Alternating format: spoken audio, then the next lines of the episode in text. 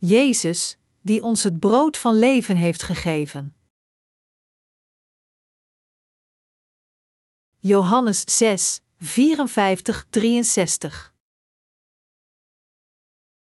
Wie mijn lichaam eet en mijn bloed drinkt, heeft eeuwig leven en hem zal ik op de laatste dag uit de dood opwekken. Mijn lichaam is het ware voedsel en mijn bloed is de ware drank. Wie mijn lichaam eet en mijn bloed drinkt, blijft in mij en ik blijf in hem.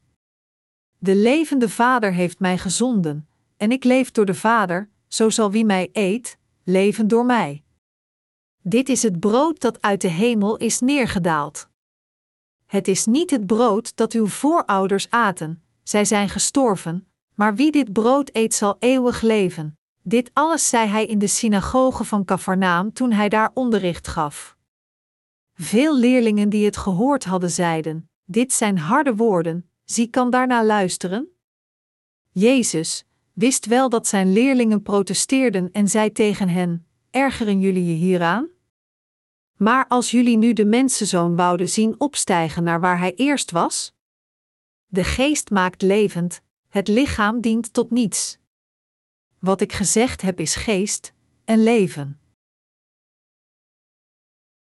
De Heer heeft el de zonden van u en mij uitgewist. Door naar deze aarde te komen, nam de Heer al de zonden van mijn ziel over en wiste hen allemaal uit, en ontving het oordeel voor hen. Door dit te doen, heeft Hij ons tot de mensen gemaakt zonder zonden. Om een geest zonder zonde te worden, een persoon die geen zonde heeft, is waarlijk een buitengewone gebeurtenis.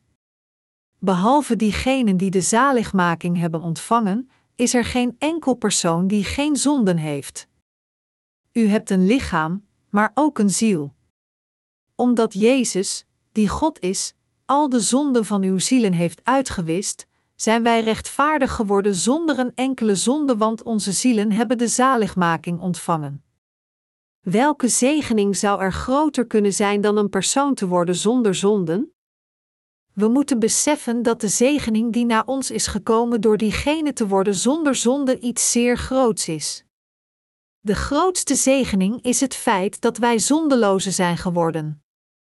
Dat is omdat er zoveel voordelen zijn als we eenmaal een persoon zonder zonde zijn geworden. Als eerste zijn we in staat in deze wereld te leven zonder enige aarzeling. Het feit dat we eervol kunnen leven in deze wereld zonder de angst voor het oordeel is een zegening die alleen een persoon, wiens zonden zijn verdwenen door het water en de geest, kan hebben. Voor onze Heer geven wij onze dank en geven de glorie terug. Beste medegelovigen, de gedachte dat wij de enigen zijn die genieten van de zegening zondeloos te zijn maakt me bedroefd. Voor diegenen die buiten deze zegening staan. Zelfs God wil niet dat dit kostbare evangelie alleen onder ons bekend is. Dus, ik heb het verlangen dat met de verspreiding van dit evangelie wij mensen zondeloos kunnen maken net als ons. Omdat dit werk ook het gebod is van onze Heer, Matthäus 28, 1920, verspreiden wij dit evangelie met plezier over de hele wereld. Onze Heer verzocht ons aan alle mensen te verspreiden, hoe groot en perfect Gods liefde echt is. Hij vertelde ons alle landen te laten weten hoeveel God van ons houdt en hoe de Heer al onze zonden heeft uitgewist en ons het eeuwige leven gaf.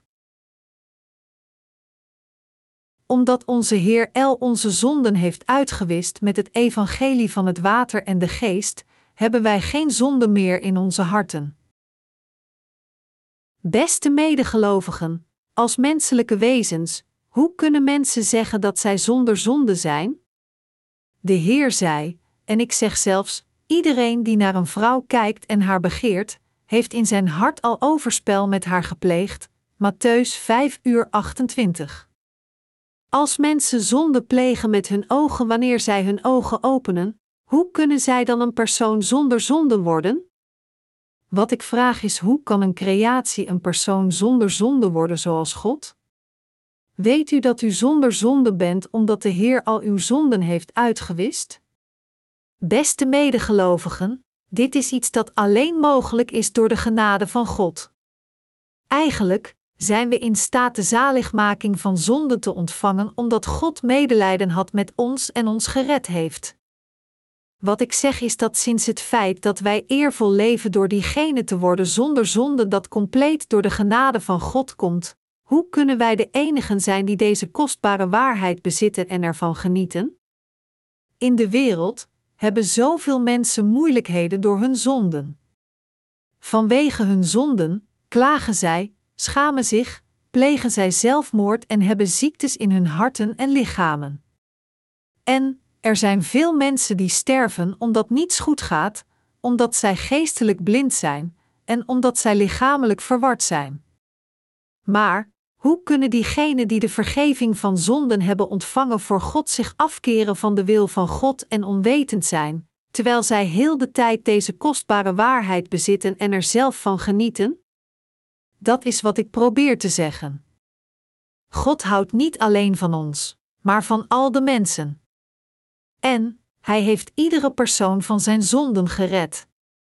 Het enige verschil is dat er mensen zijn die de genade voor God hebben ontvangen door de waarheid te weten en erin te geloven, en dan zijn er mensen die niet de genade hebben ontvangen omdat zij niet in de waarheid geloven, want zij hebben er geen weet van.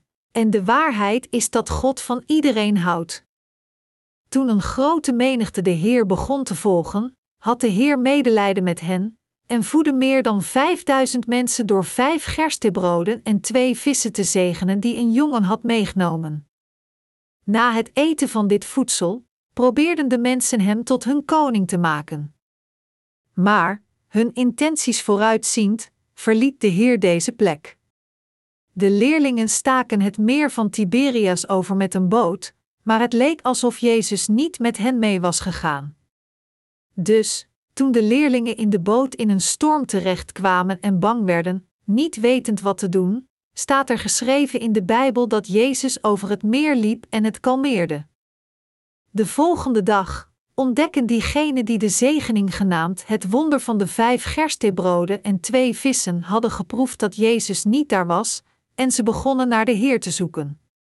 Jezus was iemand die de zieken genas, de doden liet verrijzen en meer dan 5000 zielen voeden met een enkele lunch.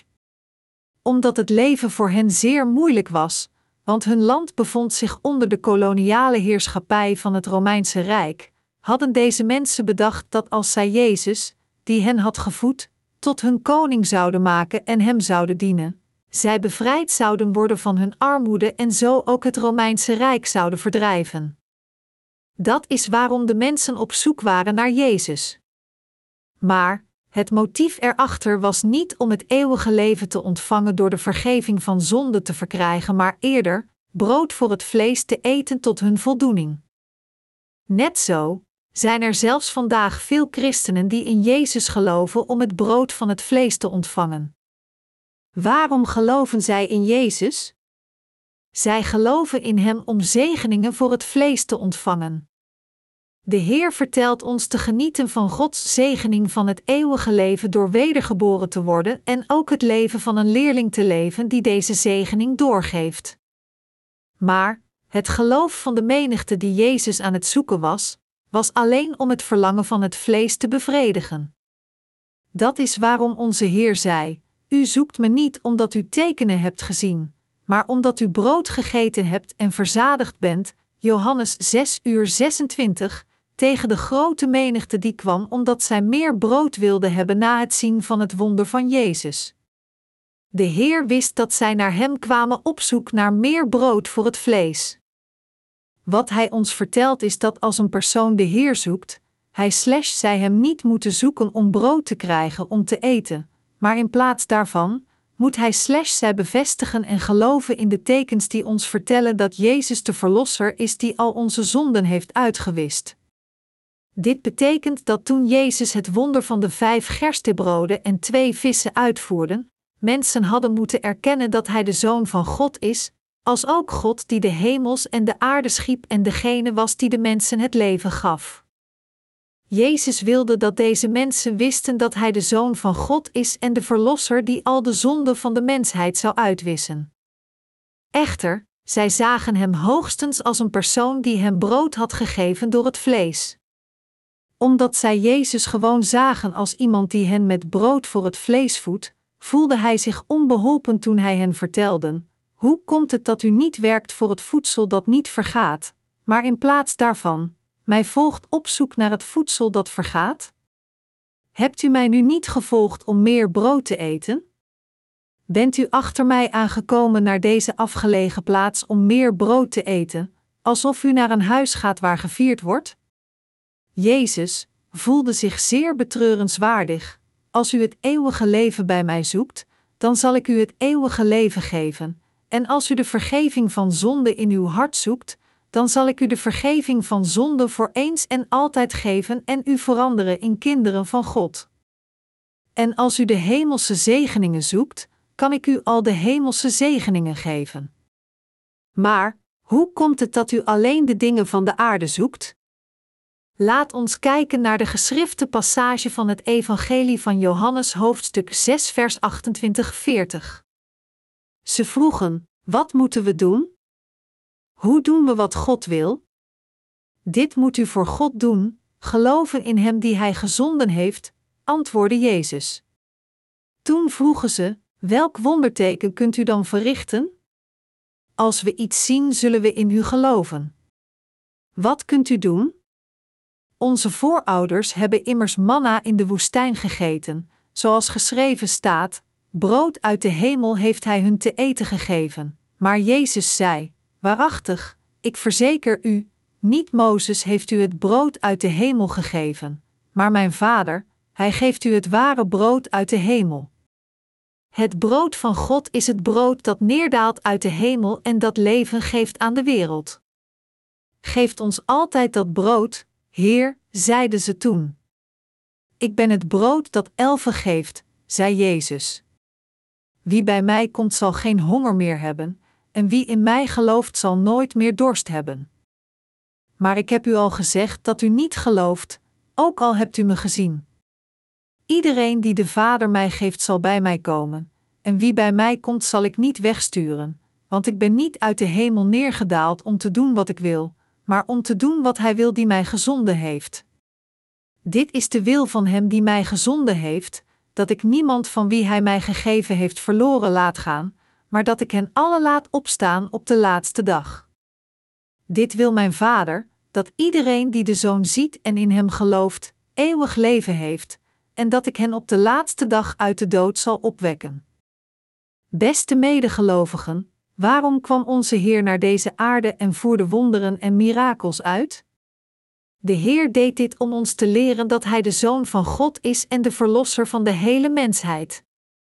Als Jezus naar deze aarde kwam om alleen de ziektes van de mensen te genezen, dan is het zo dat de beter geworden mensen gewoon een paar jaar of tientallen jaren langer zouden leven en naar de hel gaan na te sterven met de zonde nog steeds in hun harten.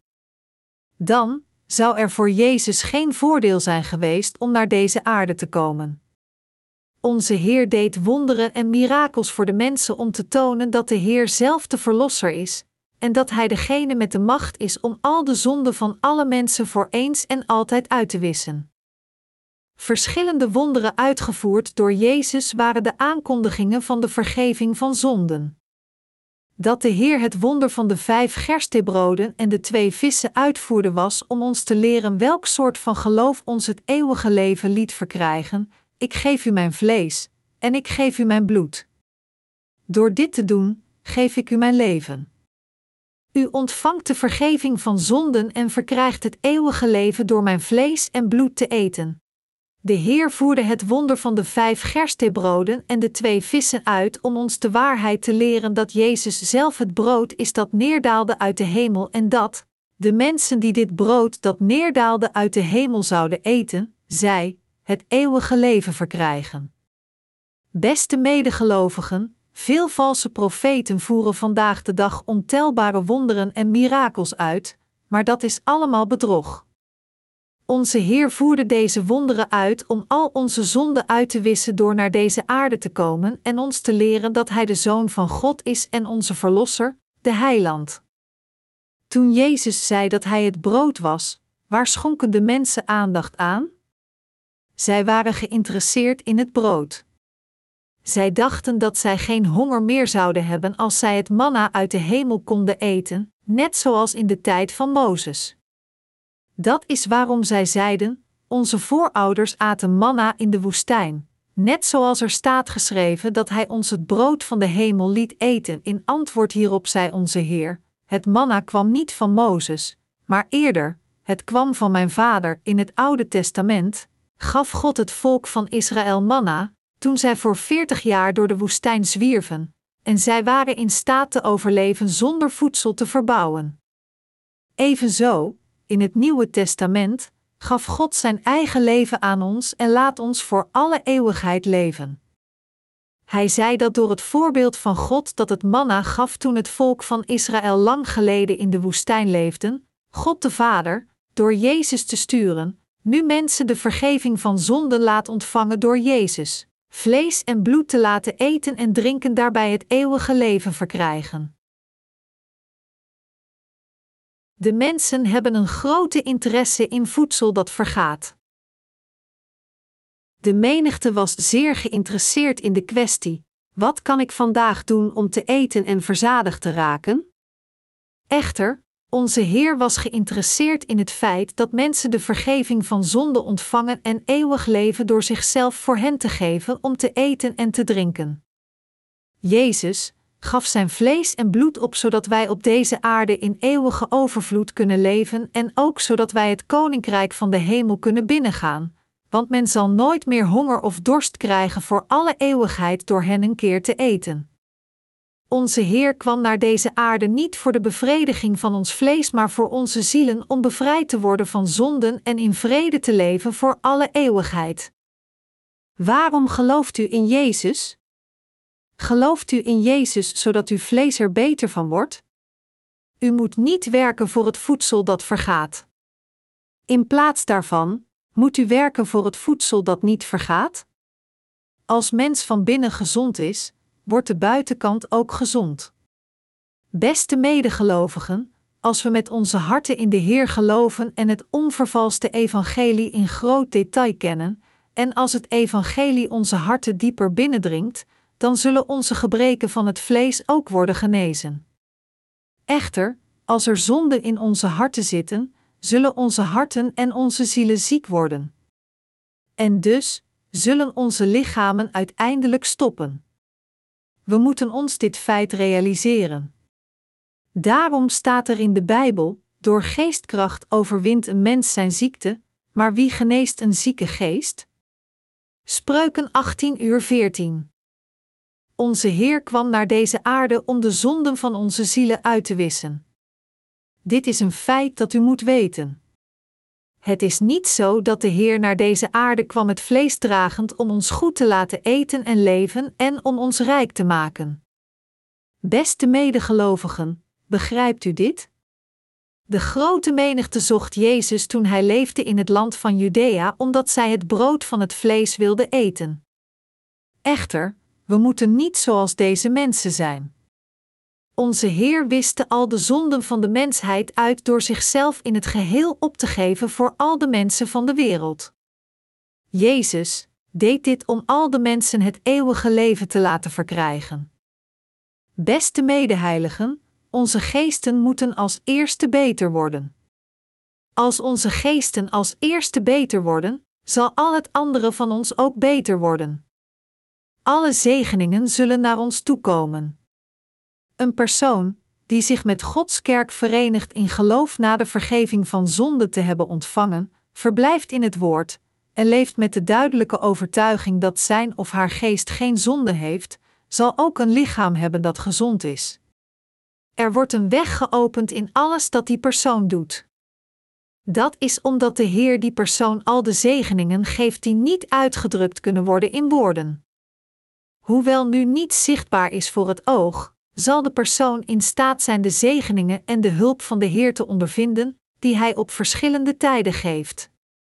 Echter, als de geest zich op het slechte zou richten, beste medegelovigen, dan komt alles tot een eind.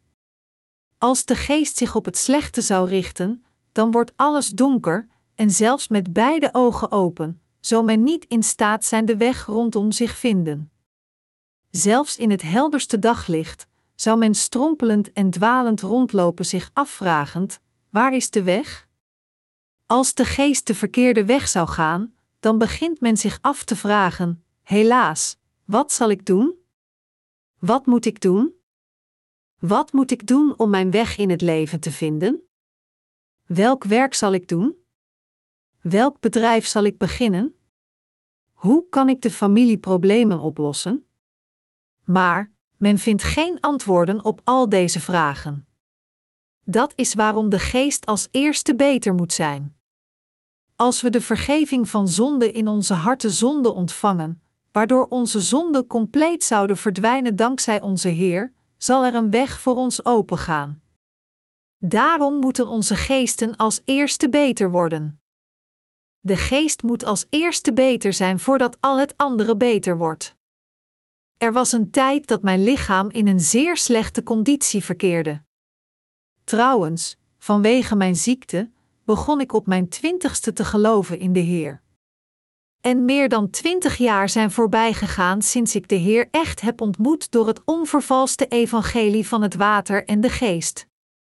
Echter, mijn lichaam was niet in een betere conditie. Werden de dingen meteen beter omdat ik de Heer ontmoette en mijn geest beter werd? Dat is niet zo.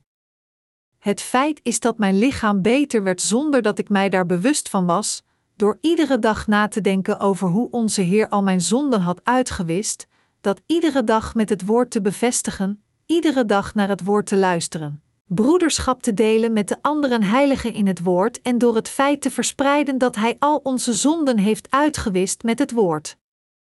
Doordat mijn hart beter werd, werd mijn lichaam beter, de ogen van het vlees werden helderder en onze Heer zegende mij in alles dat deed.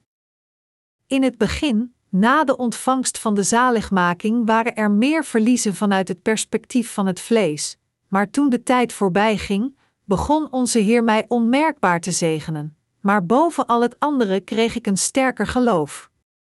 De Heer gaf me het geloof dat Hij, die mij gered heeft en al de zonden van mijn ziel heeft uitgewist, verantwoordelijkheid zal nemen in alles dat ik doe en mij zal zegenen.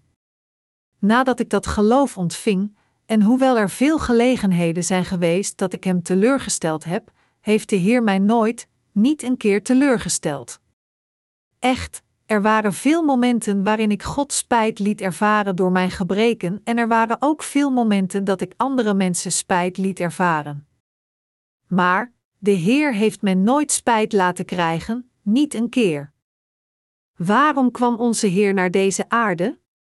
De Heer is niet gekomen om zijn eigen ding te doen. De reden waarom de Heer neerdaalde uit de hemel was om de wil van God de Vader te doen, zoals er werd gezegd: Want ik ben niet uit de hemel neergedaald om te doen wat ik wil, maar om te doen wat Hij wil die mij gezonden heeft. Dit is de wil van Hem die mij gezonden heeft, dat ik niemand van wie Hij mij gegeven heeft verloren laat gaan, maar dat ik hen alle laat opstaan op de laatste dag. Johannes 6, 38, 39. Wilt u de vergeving van zonden ontvangen? Wilt u een kind van God worden, zonder een enkele zonde in uw geest? Als u dat echt wilt, zult u zonder twijfel de vergeving van zonde ontvangen. Wie zijn diegenen in de passage die Hij mij gegeven heeft? Zij zijn niemand anders dan diegenen die de Heer kwamen zoeken met het verlangen de vergeving van zonde te ontvangen. Laten we kijken naar Zachius, Lucas 19, 2, 5. Hoewel hij veel schaamtevolle zonden heeft gepleegd en dus zijn hart vervuld is met zonden, wilde hij bij de Heer komen omdat hij zonder zonde wilde zijn en naar het koninkrijk van God wilde gaan. Beste medegelovigen, als een dergelijk persoon voor God komt, zal Hij deze persoon zijn liefde geven. Het feit is dat voor deze mensen die oprecht verlangen naar het koninkrijk van God, God de Vader besliste al de zonden uit te wissen door zijn enige geboren zoon, Jezus, naar deze aarde te sturen. En Jezus, de wil van God volgend, kwam werkelijk naar deze aarde, ontving het doopsel in de rivier de Jordaan en maakte onze zaligmaking perfect door te sterven aan het kruis door zijn bloed te vergieten. Ze zal een zoon baren. Geef hem de naam Jezus.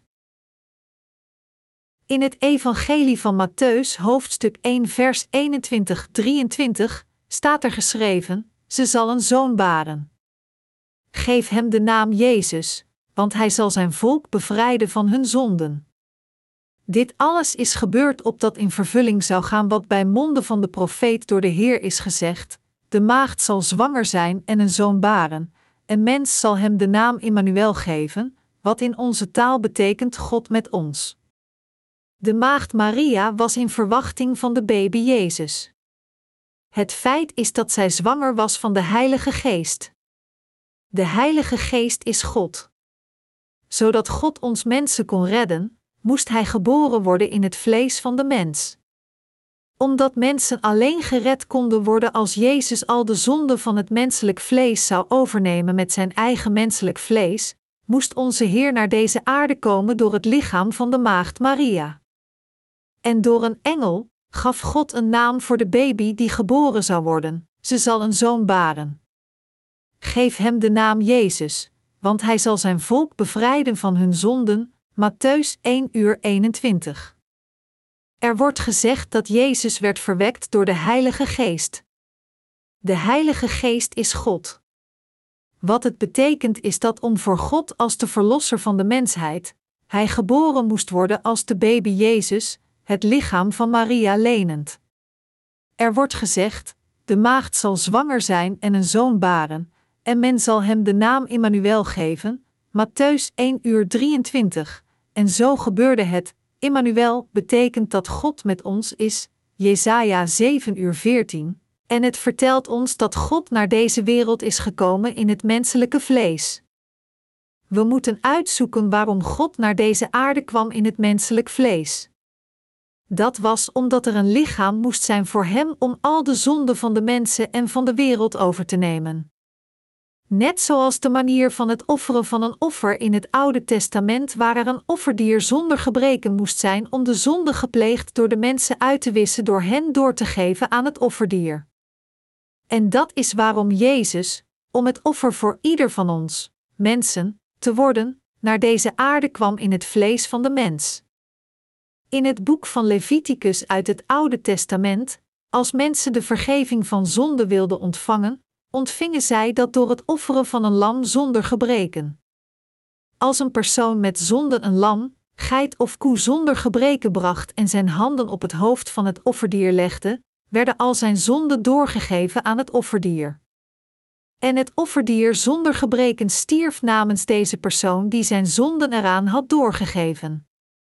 Net zoals er werd gezegd, want het bloed is de levenskracht van een levend wezen.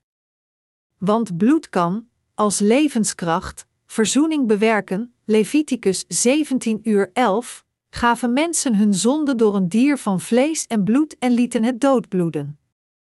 Het is zo dat de mensen uit de tijd van het Oude Testament de vergeving van al hun zonden op deze manier ontvingen. Onze God kwam om ons op gelijkaardige manier te redden, zelf naar deze aarde in het vlees van de mens. En zo zullen we ontdekken hoe Hij ons gered heeft door te kijken naar de geschrifte passage in het Evangelie van Matthäus, hoofdstuk 3. Dit is het geschreven woord hoe Jezus ons het vlees heeft gegeven. Toen kwam Jezus vanuit Galilea naar de Jordaan om door Johannes gedoopt te worden. Maar Johannes probeerde hem tegen te houden met de woorden: Ik zou door u gedoopt moeten worden, en dan komt u naar mij? Jezus antwoordde: Laat het nu maar gebeuren, want het is goed dat we op deze manier Gods gerechtigheid vervullen. Toen stemde Johannes ermee in. Zodra Jezus gedoopt was en uit het water omhoog kwam, opende de hemel zich voor hem en zag hij hoe de geest van God als een duif op hem neerdaalde. En uit de hemel klonk een stem: Dit is mijn geliefde zoon, in hem vind ik vreugde. Matthäus 3, 13, 17. Er zijn drie personen in de Godheid: de Vader, de Zoon en de Heilige Geest. Deze drie verschillen in hun positie, maar zij zijn alle werkelijk God. Jezus is God. De Heilige Geest is God. En God de Vader is ook God. Alle drie de personen van de Godheid hadden dezelfde intentie, en onder hen kwam Jezus, die de Zoon van God de Vader is, naar deze aarde in het vlees van de mens. Door geboren te worden op deze aarde door Maria, ontving Jezus het doopsel van Johannes de Doper, die de vertegenwoordiger van heel de mensheid was. Dat is waarom God de Vader getuigenis droeg van zijn zoon, zeggend: Dit is mijn geliefde zoon, in hem vind ik vreugde. Matthäus 3 uur 17, nadat Jezus het doopsel had ontvangen. Wie droeg getuigenis over wat? Het feit is dat God de Vader getuigenis droeg dat de gedoopte Jezus zijn zoon is. Door dit doopsel werden al de zonden van de wereld doorgegeven aan Jezus. Dat is waarom, de volgende dag na het doopsel, Johannes de Doper zei wijzend naar Jezus: Daar is het Lam van God, dat de zonde van de wereld wegneemt. Johannes 1 uur 29. Onze God stuurde het brood van eeuwig leven neer vanuit de hemel. Het brood was niemand anders dan zijn zoon, Jezus. Hij had Jezus, de schepper van alle dingen, de koning der koningen, de heer der heerscharen, de zoon van God die ook God zelf is, naar deze aarde gestuurd. Jezus, die naar deze aarde werd gestuurd in het vlees van de mens, nam al de zonden van de mensheid over door het doopsel te ontvangen. God had de zonden van de wereld doorgegeven aan zijn zoon, en liet heel de mensheid de vergeving van zonde ontvangen door geloof, want Jezus had al de zonden van de mensheid overgenomen met zijn vlees.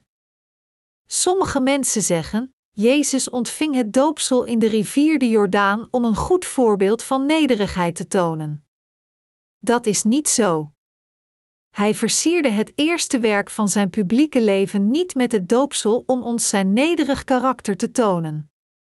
Er was geen enkel werk verkwistend onder de werken die hij had gedaan na zijn komst naar deze aarde. Waarom begon de Heer, die gekomen was om u en mij te redden, met het werk van onze zaligmaking door naar Johannes de Doper te gaan, zijn hoofd voor hem buigend om het doopsel te ontvangen? Waarom beginnen al de vier evangeliën met de vermelding van het ambt van de Heer door te beginnen met het doopsel, en waarom praten al de leerlingen, in ontelbare gelegenheden, over het doopsel dat Jezus had ontvangen? Waarom verklaart de apostel Paulus: U alle die door de doop één met Christus bent geworden, hebt u met Christus omkleed? Galaten 3 uur 27. Onze Heer kwam naar deze aarde om ons te redden en toen hij dertig werd, nam hij al de zonden van de mensheid op zijn vlees. Zijn vlees was zonder zonden. Waarom? Dat was omdat Jezus niet geboren werd uit een voortplantingsrelatie tussen een man en een vrouw. Om het menselijk vlees puur als God te dragen, had hij Maria lichaam gewoon geleend. En, om al de zonden van alle menselijke wezens over te nemen op zijn vlees, dat op dat moment zonder zonde was, had hij het doopsel in de rivier de Jordaan ontvangen. Dit wordt er bedoeld met Jezus heeft ons zijn vlees gegeven. Waarom moest Jezus het doopsel van Johannes de Doper ontvangen? Johannes de Doper was een boodschapper van God gestuurd door God. In het tijdperk van het Oude Testament voerde de hoge priester Aaron, als de vertegenwoordiger van alle Israëlieten, het opleggen van beide handen op het offer uit op de tiende dag van de zevende maand, waardoor al de zonden van het volk van Israël in een keer werden uitgewist. Leviticus 16, 20, 22, 29. De hoge priester gaf één heel jaar van zonde van het volk van Israël voor eens en altijd door aan het vlees van dat offerdier door zijn beide handen als de vertegenwoordiger in overeenstemming met het offersysteem gevestigd door God. Als zodanig was er de noodzaak om een vertegenwoordiger van de mensheid naar deze aarde te sturen, zodat God al de zonden van de mensheid kon uitwissen door hen aan Jezus door te geven.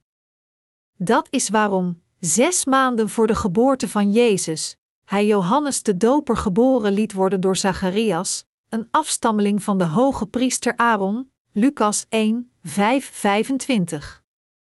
God is een God van het verbond. Net zoals hij beloofd had door het offersysteem en zijn woord van voorspelling, kwam God werkelijk naar deze aarde en offerde zijn zondeloze vlees voor heel de mensheid. Om dit te doen, door wie nam hij onze zonden over?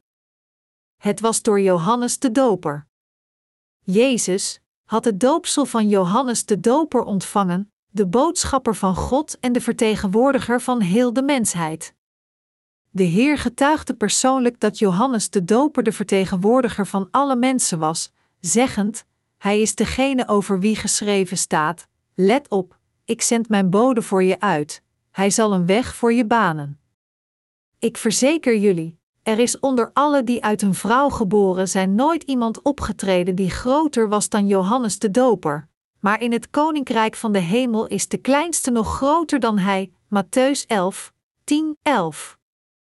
Hij zei dat hij die het kleinste is in het koninkrijk van de hemel groter is dan hij, omdat Johannes de Doper de vertegenwoordiger op aarde was. Een vertegenwoordiger op aarde, ongeacht hoe groot, is nog steeds kleiner dan de kleinste in het koninkrijk van de hemel. Maar het feit is dat Johannes de Doper de grootste op deze aarde is. De grootste ooit geboren uit een vrouw verwijst naar de vertegenwoordiger van alle menselijke wezens. De Heer maakt ook een verwijzing naar het boek van Maleachi hoofdstuk 3 vers 1, dat zegt: Let op, ik zal mijn bode zenden. Hij zal de weg voor mij effenen. Maleachi 3, 1. Het betekent dat God, om de zonden van de mensen uit te wissen, een vertegenwoordiger van de mensen zes maanden voor zijn komst naar deze aarde stuurde. Wie was hij? Hij was niemand anders dan Johannes de Doper. Let op, ik zal mijn bode zenden, hij zal de weg voor mij effenen. Opeens zal hij naar zijn tempel komen, de Heer naar wie jullie uitzien. De engel van het verbond naar wie jullie verlangen. Komen zal hij, zegt de Heer van de hemelse machten, Maleachi 3, 1.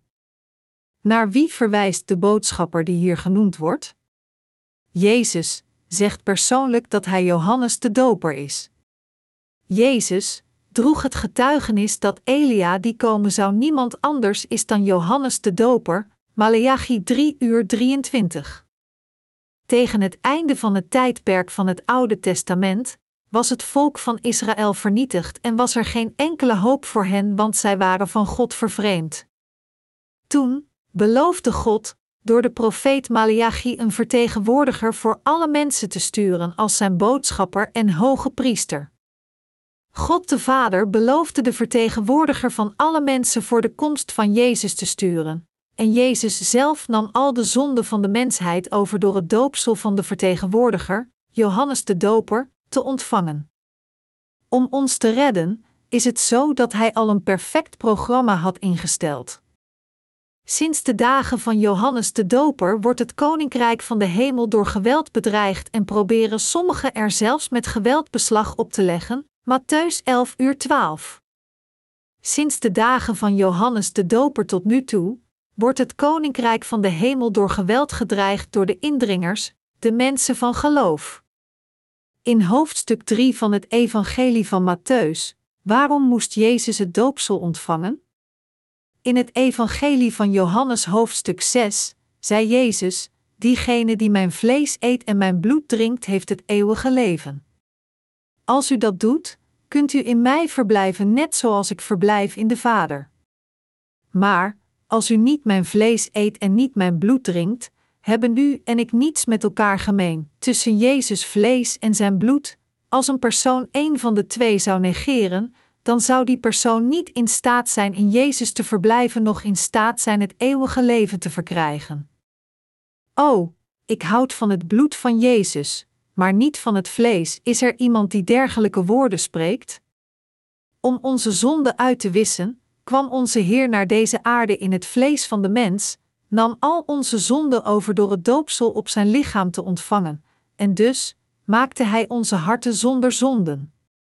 Als het zo is dat Hij gepland had ons te redden, dan moeten we dat geloven.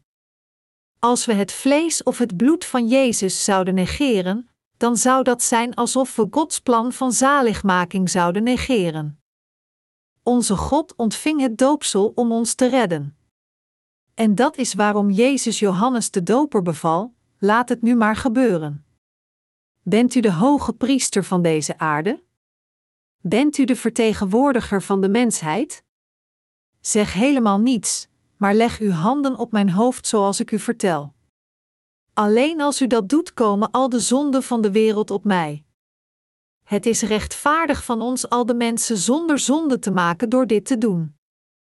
Het is alleen maar goed heel de rechtvaardigheid te vervullen. Beste medegelovigen, is dit gepast of niet? Het is gepast.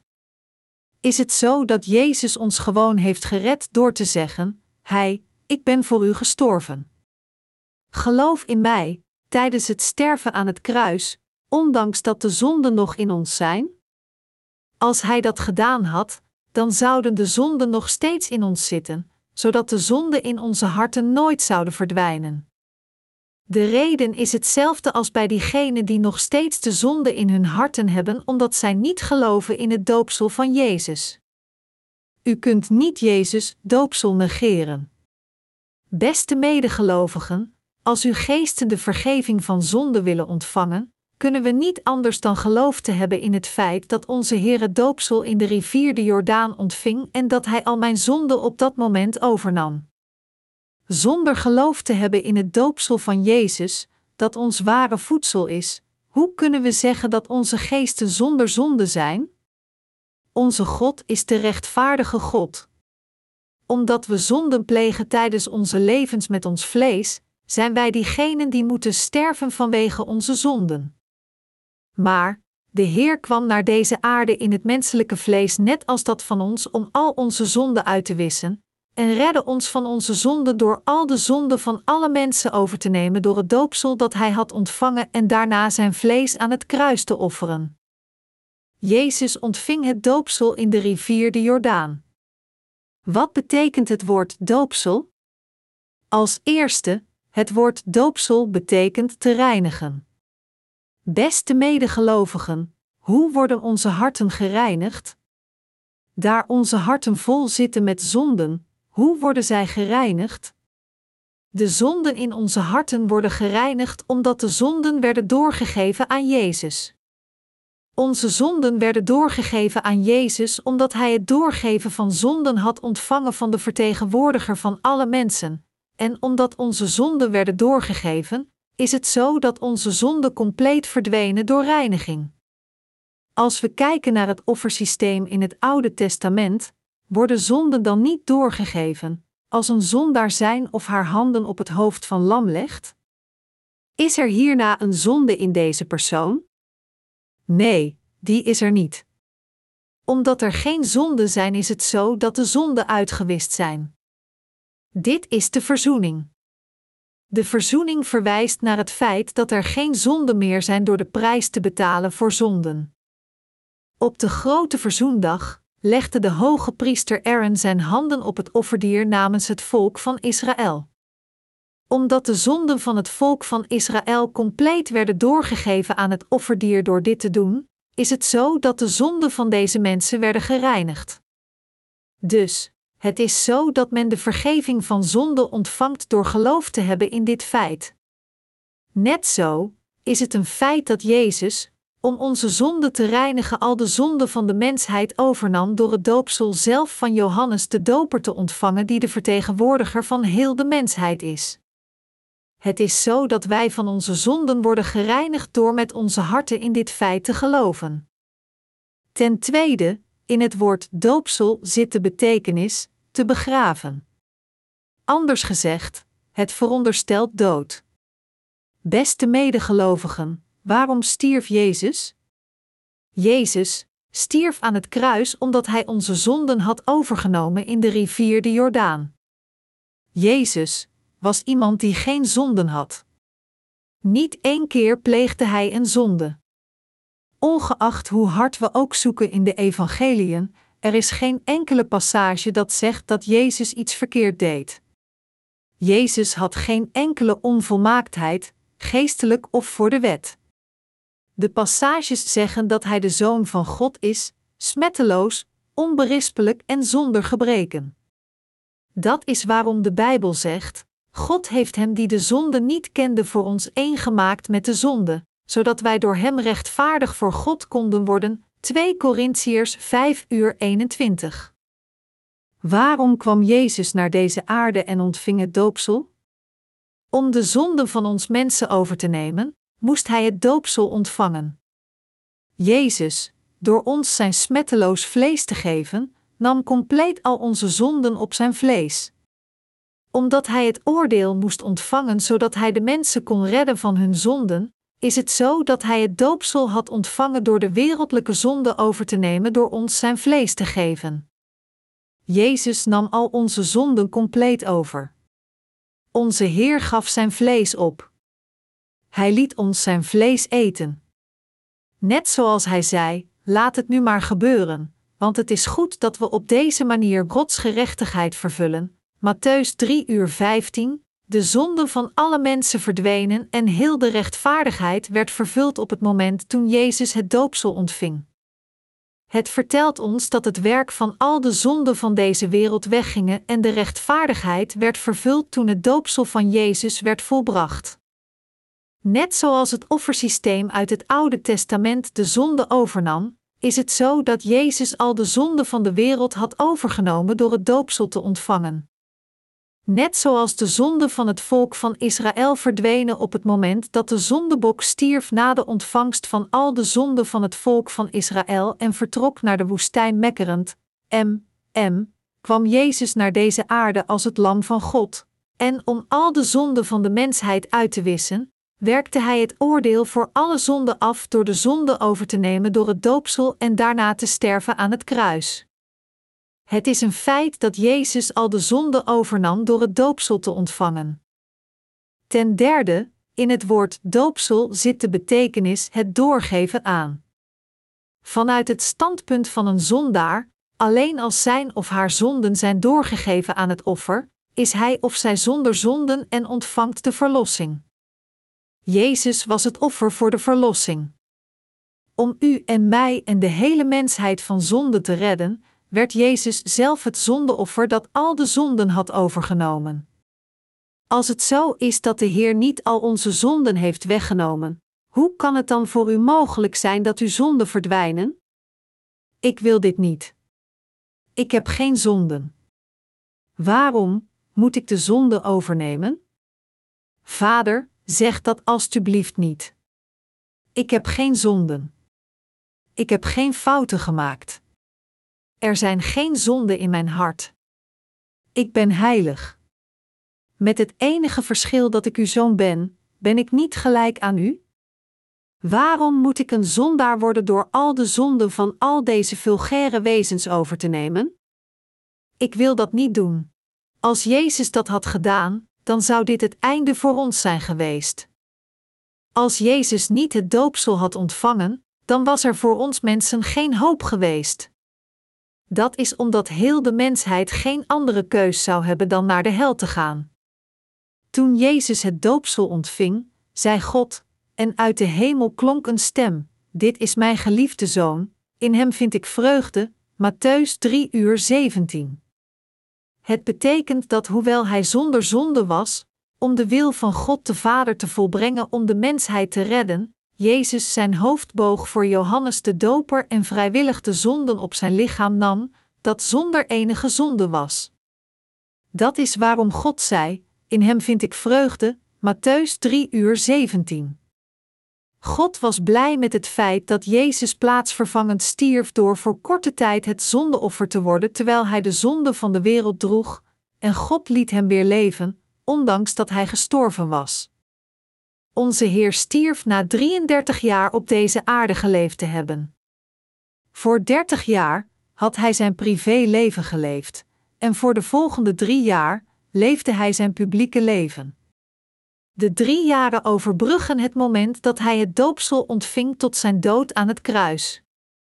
Jezus stierf na zijn publieke leven voor drie jaar geleefd te hebben.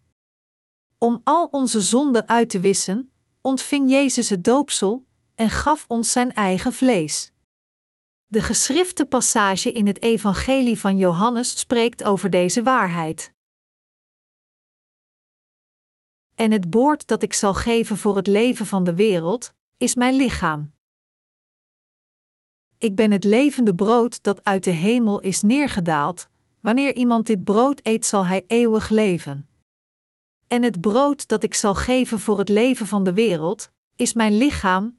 Johannes 6 uur 51. Er wordt gezegd dat Jezus het levende brood is dat uit de hemel neerdaalde. Hij gaf ons dat brood. Het betekent dat Hij ons zijn lichaam gaf. Omdat zijn lichaam voor het leven van de wereld was, heeft Hij het met genoegen aan ons gegeven. Door de ontvangst van het doopsel op zijn vlees nam Hij de zonde over, en Hij maakte de mensheid zonder één enkele zonde. De Heer heeft ons gered door al u en mijn zonden over te nemen en zijn lichaam op te geven. Diegenen die hierin geloven hebben geen zonden, ongeacht hoe ontoereikend zij ook mogen zijn. Jezus heeft ons perfect zondeloos gemaakt door al de zonden van de wereld over te nemen. Beste medegelovigen, gelooft u dit? Jezus heeft ons gered door zijn lichaam te geven. Zitten er zonden in uw geest? Nee, er zijn geen zonden meer. Er zijn geen zonden in uw geesten als ook geen in die van mij. Wij zijn de rechtvaardigen. Ongeacht hoe ontoereikend, wij zijn de rechtvaardigen die de genade van God hebben ontvangen. De rechtvaardige mensen zijn de prinsessen, prinsen als ook koningen in het koninkrijk van de hemel. Wij zijn werkelijk de kinderen van God geworden door geloof. Nu komt het gelach van diegenen die geloof hebben in deze waarheid. Het gelach komt van diep in hun harten. Halleluja! Ik heb geen zonde meer. De Heer gaf zijn lichaam en al mijn zonden werden compleet overgenomen door zijn lichaam. Dat is wat er is gebeurd. Ja, hoe meer we nadenken, hoe verfrister onze harten worden, en zelfs als we slapen, komt het gelach diep vanuit onze harten op. In het Evangelie van Johannes hoofdstuk 6 vers 53 heeft de Heer vastberaden gezegd: Als u het lichaam van de mensenzoon niet eet en zijn bloed niet drinkt, hebt u geen leven in u maar, waarom eten de mensen het vlees van de mensenzoon niet? Waarom geloven de mensen niet in het feit dat de Heer al de zonden van de hele mensheid heeft overgenomen? De Heer kwam naar deze aarde om ons te redden en nam al onze zonden compleet weg door ons zijn onbevlekt vlees te geven. Maar waarom geloven mensen niet in een dergelijke dankbare liefde? Waarom verzetten zij zich? Eet alstublieft met geloof. Als mensen zich ertegen verzetten, denkt de Heer hierover, dat is spijtig. En het leven van de Heer kan niet in dergelijke mensen komen. De Heer wil ons leven geven, maar als wij dat weigeren, kan het leven niet in ons komen. Omdat de Heilige Geest niet kan wonen in de harten van diegenen met zonden, wil de Heer dat wij de vergeving van zonde ontvangen en een nieuw leven verkrijgen. We moeten geloven in het feit dat de Heer al de zonde van de mensheid heeft overgenomen door het doopsel voor u en mij te ontvangen. Waarachtig, ik verzeker u, als u het lichaam van de mensenzoon niet eet en zijn bloed niet drinkt, hebt u geen leven in u. Johannes 6 uur 53. De Heer offerde zijn lichaam aan ons zodat u en ik gered konden worden. Door ons zijn vlees in de rivier de Jordaan te geven, dat wil zeggen door al de zonden van de wereld op zijn lichaam te nemen, liet de Heer ons zijn vlees met geloof eten. Wat zal er gebeuren als we niet zijn vlees eten waarop hij al de complete zonde van de mensheid had genomen? Er wordt gezegd: Hebt u geen leven in u? Johannes 6 uur 53. Er wordt gezegd dat ongeacht hoe vurig u ook gelooft, de Heilige Geest niet over u komt. Is de Heilige Geest in u? Hoe komt de Goddelijke Geest, namelijk de Heilige Geest, in uw harten? De Heer verzegelt onze harten met de Heilige Geest als we geloven in de rechtvaardige werken volbracht door de Heer. De Heer liet diegenen die geloven de vergeving van zonde ontvangen door hen het evangelie van het water en de geest te geven. En aan diegenen die de vergeving van zonden hebben ontvangen, gaf Hij de Heilige Geest in hun harten. Het is zo dat wij de Heilige Geest hebben ontvangen door te geloven in het evangelie van het water en de geest met onze harten. De Heer nam al mijn zonden compleet weg door het doopsel in de rivier de Jordaan te ontvangen. Hij nam al onze zonden compleet over op zijn vlees, en door zijn bloed aan het kruis te vergieten, heeft Hij ons leven gegeven. We moeten met onze harten geloven in het werk van de vernietiging van al onze zonden en het oordeel dat de Heer heeft volbracht. De mensen die geloven in het feit dat de Heer al onze zonden compleet heeft overgenomen in de rivier de Jordaan, hebben geen zonde in hun harten. Als zondaars dit feit zouden beseffen en erin zouden geloven, dan zouden er geen zonde meer in hun harten zijn, ongeacht wie zij zijn. De Heilige Geest plakt een zegel op diegenen die zonder zonde zijn en verblijft in hun harten. De Heer verblijft in ons als de Geest, en ik kom bij de Heer door geloof, dit is hoe de Heer en ik één worden. Het feit is dat de Heer als de Heilige Geest in diegenen verblijft die de vergeving van zonden hebben ontvangen door te geloven in het feit dat de Heer hen heeft verlost door zijn Zoon. Er wordt gezegd: Als u het lichaam van de mensenzoon niet eet en zijn bloed niet drinkt, hebt u geen leven in u. Johannes 6 uur 53. We moeten in beiden geloven. Jezus ontving het doopsel en stierf aan het kruis, en dus moeten we beseffen dat de dood van de Heer uw dood als ook mijn dood is. En we moeten geloven dat Jezus het doopsel in de rivier de Jordaan ontving om u en mij van zonden te redden.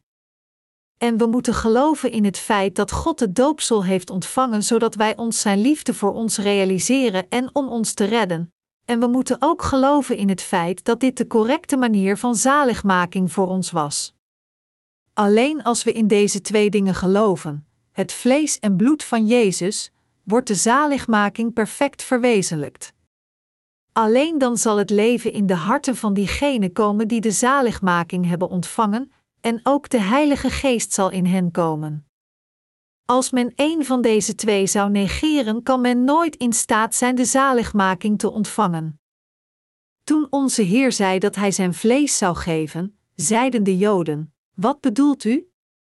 We kunnen het niet begrijpen, beste medegelovigen, zijn deze woorden van de waarheid ook moeilijk voor u? Want Jezus is de goede herder, hij heeft zijn schapen gered door zijn vlees en bloed voor hen te geven. De Heer is onze goede herder. Is het niet te gemakkelijk? Het evangelie van het water en de geest is gemakkelijk, maar omdat het zo belangrijk is, moeten we het verspreiden en er iedere dag naar luisteren. Tussen het vlees en bloed dat gegeven werd door Jezus, als een van de twee wordt weggelaten, kan er nooit zaligmaking zijn. Ik zag een bord waarop stond: Bent u zondaars ondanks dat u gelooft, geplaatst op een kerk. In werkelijkheid geloven de meeste christenen in Jezus op hun eigen manier, maar de zonden zitten nog steeds in hun harten. Ondanks dat zij geloven in Jezus, waarom zijn de christenen van de wereld zondaars? Weet u waarom zij zondaars zijn ondanks dat zij geloof hebben? Dit is omdat zij alleen de God gegeven drank drinken. Omdat zij alleen geloven in het kruis, hebben zij nog steeds zonde ondanks dat zij beleiden: Heer Jezus, ik geloof. Ik geloof dat u plaatsvervangend voor mij bent gestorven. Ik geloof dat u al mijn zonden hebt uitgewist. Halleluja, ongeacht hoe vurig zij geloven, het feit is dat de Heilige Geest niet in hun harten zit. Omdat zij niet het woord hebben dat getuigt over het feit dat hun zonden zijn doorgegeven, en zij opnieuw zondigen, is het zo dat de zonden in hun harten verblijven. Zij zijn verbaasd, hoe raar. Ik geloof in Jezus, maar er zijn nog steeds zonden in mijn hart. De Heer nam de oorspronkelijke zonde weg als ook de gepleegde zonden. Maar waarom zijn er dan zonden? Vreemd. Zeer vreemd. Als u zich in deze positie bevindt, moet u nauwkeurig onderzoeken wat vreemd is. Als u het zou onderzoeken, zult u tot de conclusie komen dat u zonden hebt, ondanks dat u in Jezus gelooft vanwege het feit dat u niet weet hoe de Heer u heeft gered. Door het feit te weten te komen dat de Heer ons heeft gered door zijn vlees in de rivier de Jordaan te geven, wat gebeurt er met u? Zelfs terwijl u slaapt, zult u zeggen: Heer, ik wist het niet goed. Maar Heer, u hebt dit zo gedaan. Ja, het is waar. Dat is waarom zoveel geschrifte passages alles spreken over het vlees en bloed. Dank u, Heer. Ik ben u oprecht dankbaar dat u mij op deze twee manieren hebt gered: het vlees en het bloed. Beste medegelovigen, ik hoop dat u gelooft in het evangelie van het water en de geest. De Heer heeft ons zo gered. We zijn zondeloos geworden omdat de Heer in het vlees van de mens is gekomen, omdat de Heer onze zonde met dat vlees overnam, en omdat Hij stierf aan het kruis na dat gedaan te hebben. Als het zo was geweest dat de Heer naar deze aarde was gekomen, maar niet in het vlees en het doopsel niet had ontvangen, ondanks dat Hij gekomen was, dan zouden u en ik nog steeds zondaars zijn, ondanks ons geloof. Het christendom is geen religie. Het is een geloof. Het kwam van boven. Geloof is te handhaven en te geloven in het feit dat de Heer al onze zonden heeft uitgewist. We kijken op naar het werk dat de Heer heeft gedaan en ontvangen de vergeving van zonden door erin te geloven. Dit is wat geloof is. Religie is iets waar men aan vasthoudt en op vertrouwt bij het maken van een beslissing. Als u vast zou houden aan uw eigen gezegde: Heer, ik geloof in u, dan zou dat nutteloos zijn. U moet kijken naar het werk dat de Heer heeft gedaan en dan zeggen: Ah, Heer, u hebt zo al mijn zonden uitgewist. Halleluja. Ik geloof in deze waarheid, alleen dan geeft de Heer u een diploma. Beste medegelovigen, hebt u zonden? Nee, die hebt u niet. Jezus nam al onze zonden over door zijn vlees te geven in de rivier de Jordaan. Daar is het lam van God, dat de zonde van de wereld wegneemt, Johannes 1 uur 29. Doordat Jezus naar het kruis ging al de zonde van de wereld dragend, heeft Hij voor eens en altijd perfect het oordeel voor al onze zonden beëindigd. De Heer heeft ons perfect gered zodat wij de vergeving van zonde ontvangen door er met onze harten in te geloven. De Heer heeft het zo geregeld dat wij de zaligmaking alleen zouden ontvangen door geloof, zonder de noodzaak voor deugdzame daden of pogingen. Onze Heer heeft ons gered. De Heer is onze Verlosser. Voor 33 jaar, om ons te redden, was de Heer geduldig met diegenen die hem ergerden en we kunnen ons niet voorstellen hoe geduldig hij was. De Joden, Fariseeën en schriftgeleerden daagden Jezus uit en probeerden hem te slaan en gevangen te nemen om hem te doden. Als ik de schepper Jezus was, dan zou ik hem meteen hebben verpletterd, maar omdat onze Heer genadig is, kwam hij in plaats daarvan om hen te redden omdat hij ook de zonden van dergelijke mensen wilde overnemen en hen het eeuwige leven wilde geven, was hij geduldig zoals een schaap dat stil is voor de scheerders. Jesaja 53, 7. Hoe edel en welk een prachtige liefde van de waarheid is deze liefde? Omdat onze Heer vol medelijden zit, wilde Hij zelfs dat diegenen die Hem aan het kruis hadden genageld de zaligmaking zouden ontvangen. Dat is waarom, zelfs toen hij aan het kruis werd genageld, zijn vader smeekte: Vader, vergeeft hun, want ze weten niet wat ze doen. Lucas 23 uur 34. Onze Heer kwam naar deze aarde en gaf ons zijn vlees en zijn bloed om u en mij te redden. Dit is wat zaligmaking is. Door dit te doen, heeft Hij ons toegestaan te ademen.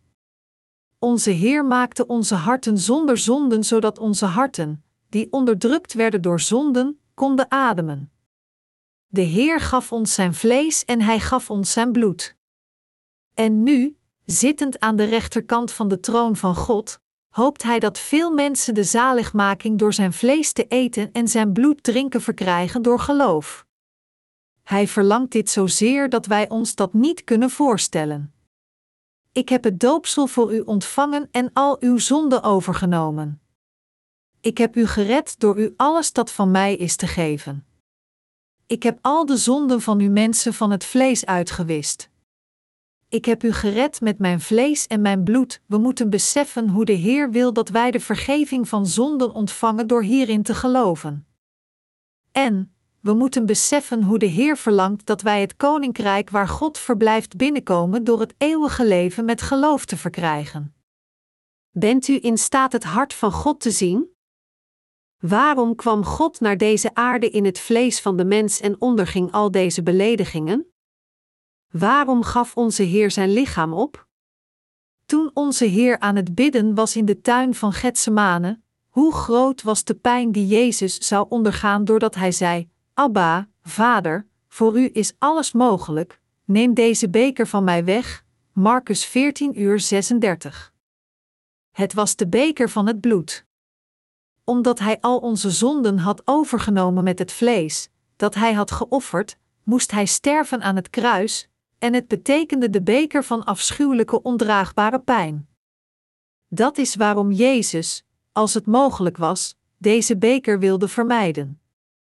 Maar Jezus, na drie keer zeer serieus gebeden te hebben voor God, boog zijn hoofd en zei: Maar laat niet gebeuren wat ik wil, maar wat u wilt. Marcus 14 uur 36. Hij zei: Vader, doe wat u wilt, en gaf zichzelf over aan de kruisiging. Hoewel hij zelf zonder zonde was, maar omdat hij al de zonden van de wereld had overgenomen door het doopsel te ontvangen op zijn vlees om de hele mensheid van zonde te redden, moest de Heer de prijs voor al deze zonden afbetalen. Echt waar, hoewel onze Heer het niet leuk vond veroordeeld te worden voor deze zonden sinds hij een hekel had aan zonden, is het zo dat hij al deze werken doorstond om ons te redden. Door geloof te hebben in Jezus, moeten we de vergeving van zonde ontvangen en het koninkrijk van de hemel binnengaan. En zelfs op deze aarde moeten we in staat zijn in vrede te leven als diegene zonder zonden. Dit was de wil van onze Heer naar ons toe. Beste medegelovigen, gelooft u? Onze Heer heeft ons gered door ons zijn vlees te geven. Hoewel dit de waarheid is, waarom geloven mensen dit niet?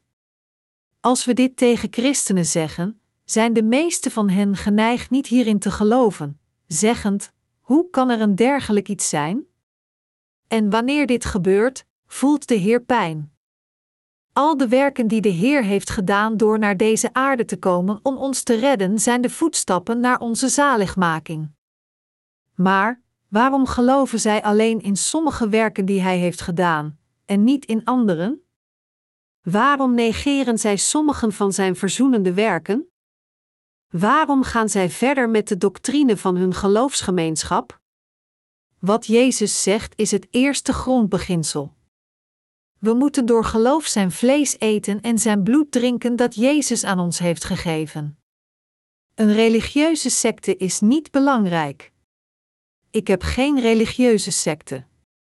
Voordat ik wedergeboren werd door te geloven in het evangelie van het water en de geest, studeerde ik de theologie van de Kozin Geloofsgemeenschap, een van de conservatiefste presbyteriaanse geloofsgemeenschappen in Korea.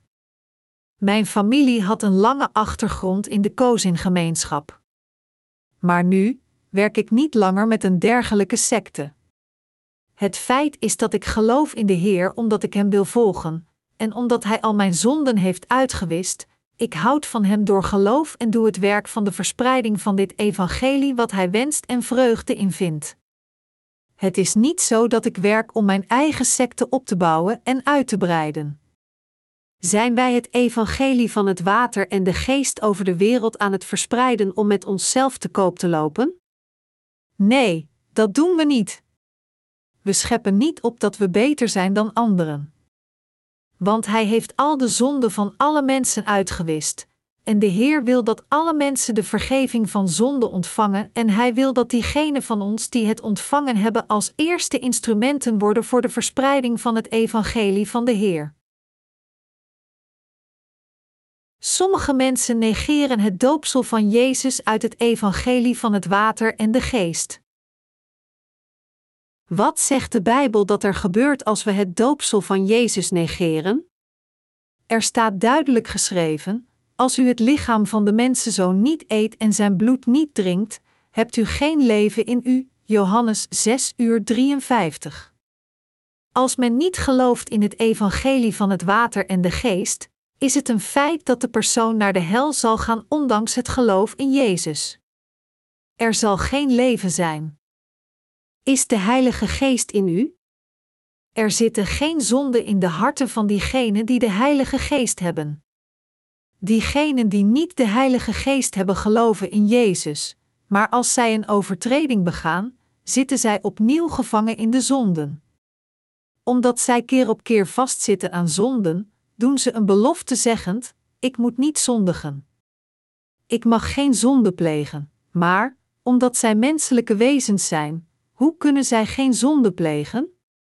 Als zij opnieuw zondigen, dan worden ze ook bang, zeggen: Oh, ik heb weer gezondigd. Wat moet ik doen? Waarom zou iemand die gelooft in Jezus bang zijn voor het oordeel? Dit is omdat zij niet de zaligmaking hebben ontvangen sinds zij niet geloven in het evangelie van het water en de geest.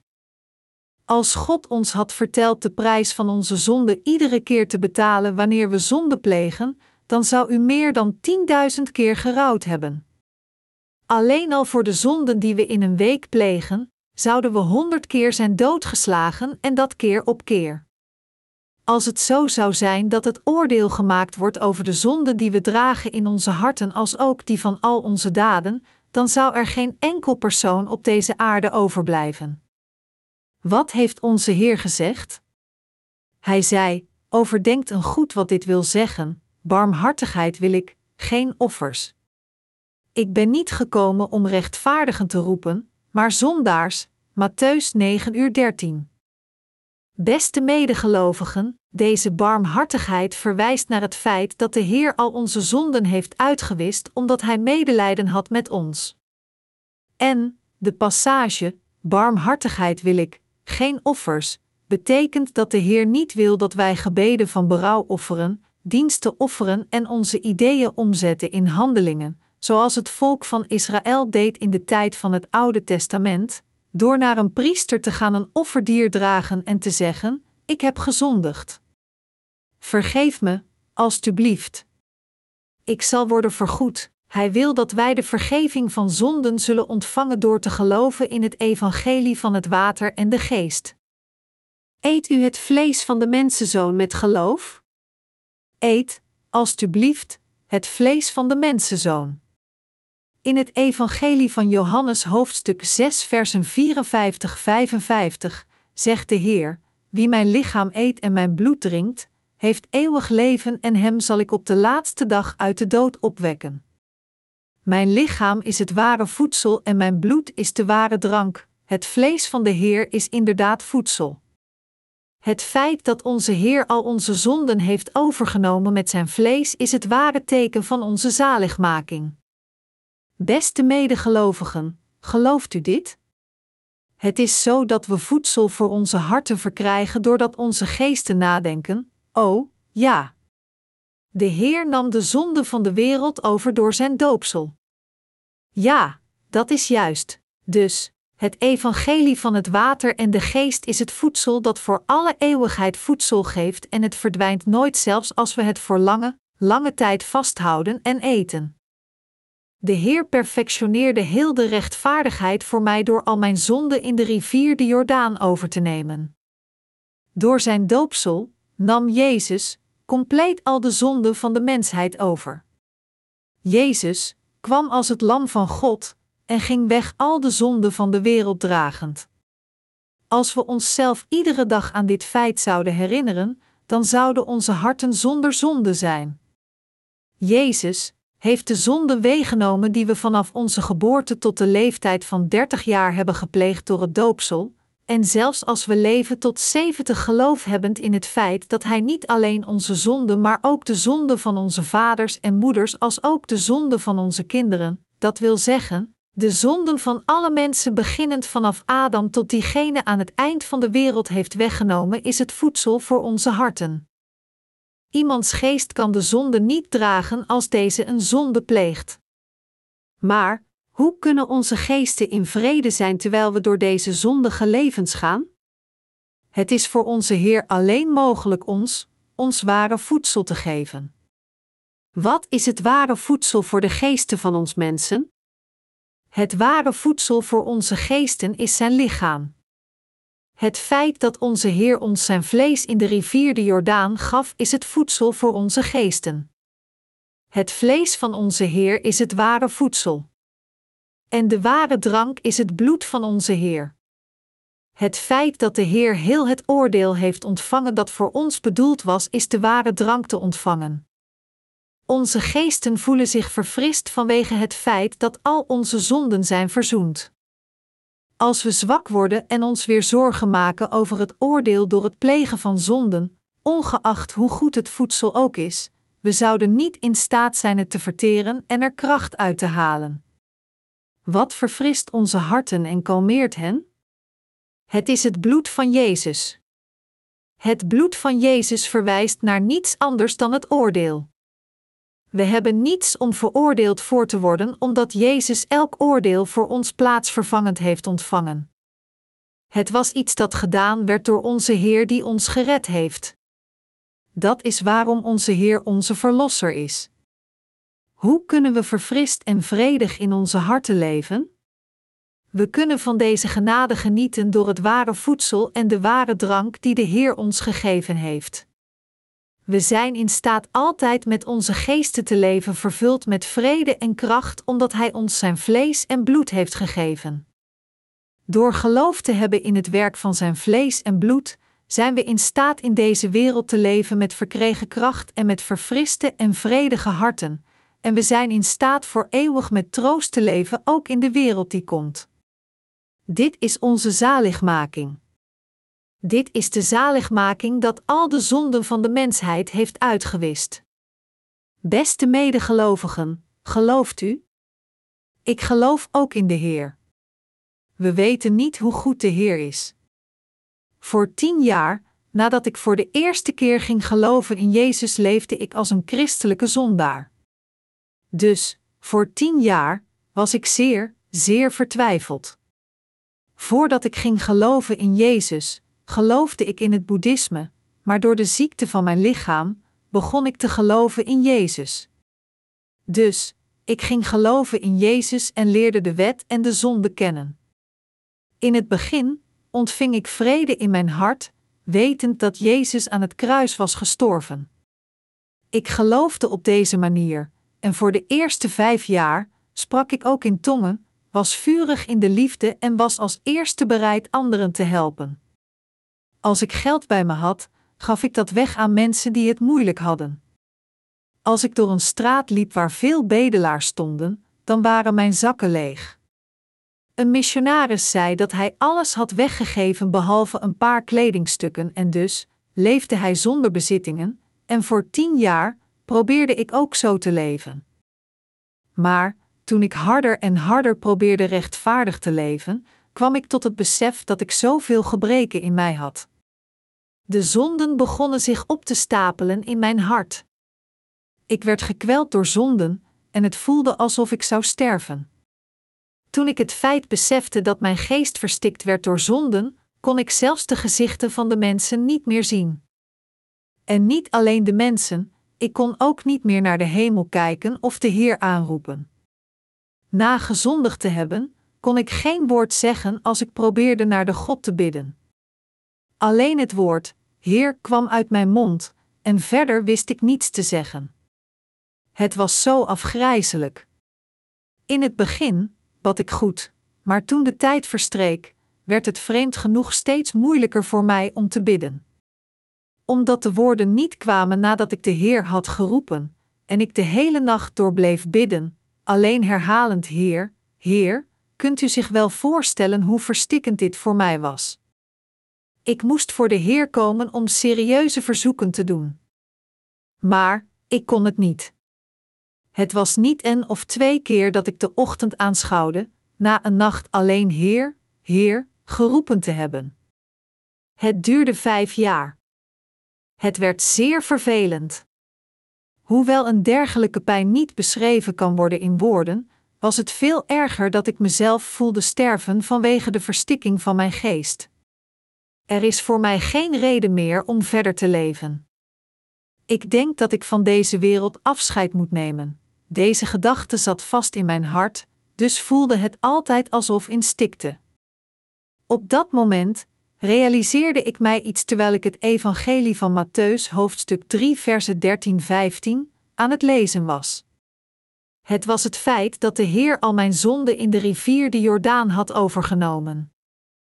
Toen ik mij dit feit realiseerde dat de Heer al mijn zonden had overgenomen door zijn vlees te geven en het doopsel te ontvangen, begon mijn geest die zo lang verstikt werd onmiddellijk in en uit te ademen. Wel, dan moet ik zonder zonde zijn. Ik ontvang de zaligmaking zonder enig voorval. Ik zou gestorven zijn aan verstikking, ondanks dat ik in Jezus geloof, had ik niet de geschrifte passage leren kennen waarin staat dat de Heer al mijn zonde op dat moment had overgenomen.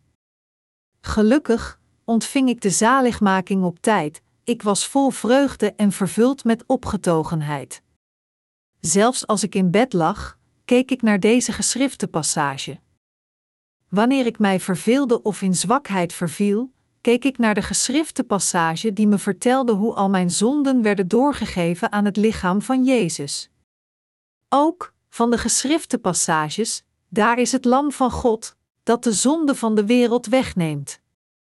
Johannes 1 uur 29, en waar dat alles vergeven is, daar is geen offer voor de zonde meer nodig. Hebreeën 10 uur 18, kreeg ik een duidelijk bewijs dat de Heer al perfect mijn zaligmaking heeft volbracht.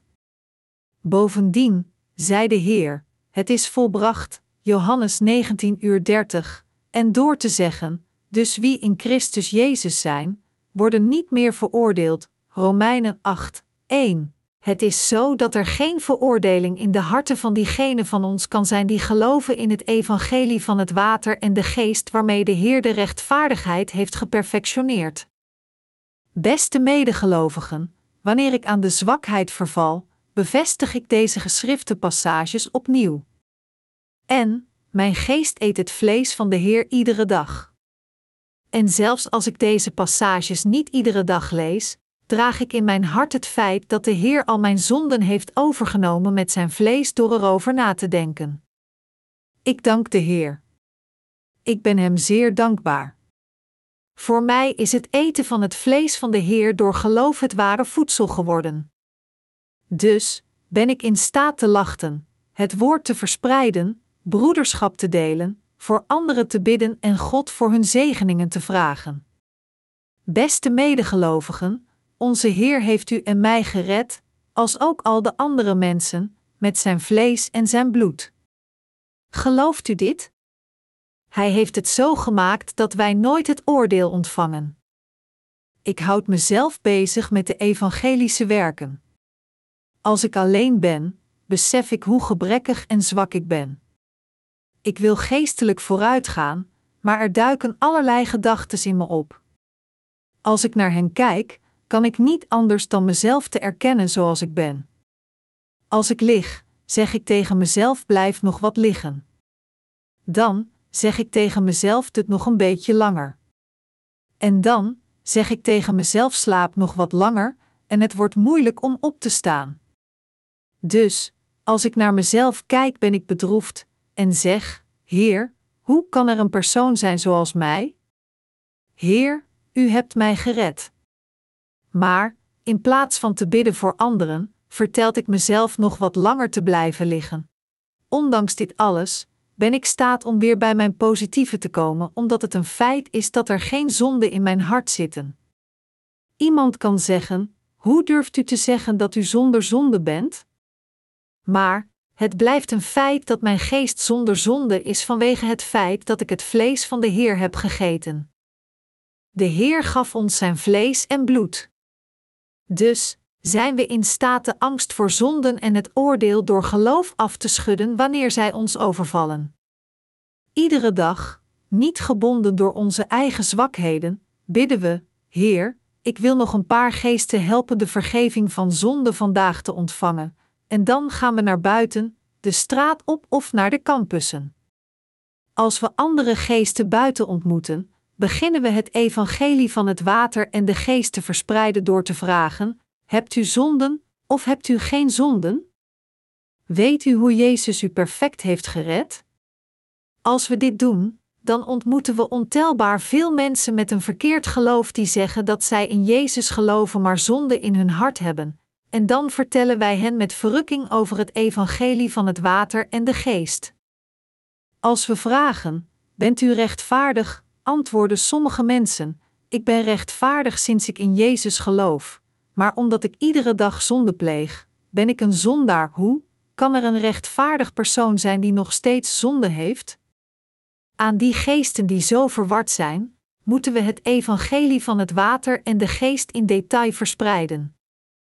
Ik heb zoveel gevallen gezien waarbij dergelijke mensen de vergeving van zonde ontvingen na één uur broederschap met Gods woord. Na hen het evangelie volledig te hebben uitgelegd, vraag ik hen: Wel, hebt u nog zonden? En zij antwoorden dat zij geen zonde meer hebben, dan wordt mijn hart vervuld met vreugde. U weet niet hoe vreugdevol zij zijn, na het zien van het woord en het feit bevestigen dat hun harten inderdaad zonder zonde zijn. Zij vragen zich af hoe zij tot nu toe hebben kunnen leven zonder iets dat zo goed is als dit. Onze Heer heeft zijn vlees en bloed voor u en mij gegeven, als ook voor al de mensen van de wereld, en dus worden onze harten verfrist wanneer we dit voedsel eten en de drank drinken. Omdat we zonder zonde zijn, is het zo dat we in staat zijn eervol rond te lopen, dank God en eer Hem. Ik dank de Heer altijd, en vanwege Hem ben ik gelukkig. Ondanks dat ik zo zwak ben, kan ik de Heer altijd bedanken omdat de Heer mensen zoals mij heeft gered door het evangelie van het water en de geest. Ik ben blij voor het wegnemen van het oordeel door mensen zoals mij te redden met het water en de geest. Dat is waarom de apostel Paulus heeft gezegd: Wees altijd verheugd, bid onophoudelijk, dank God onder alle omstandigheden, want dat is wat Hij van u, die één bent met Christus Jezus, verlangt. 1 Thessalonicense 5, 16, 18. Beste medegelovigen, we zijn in staat dankbaar te zijn voor alle dingen omdat onze Heer ons zijn vlees en bloed heeft gegeven.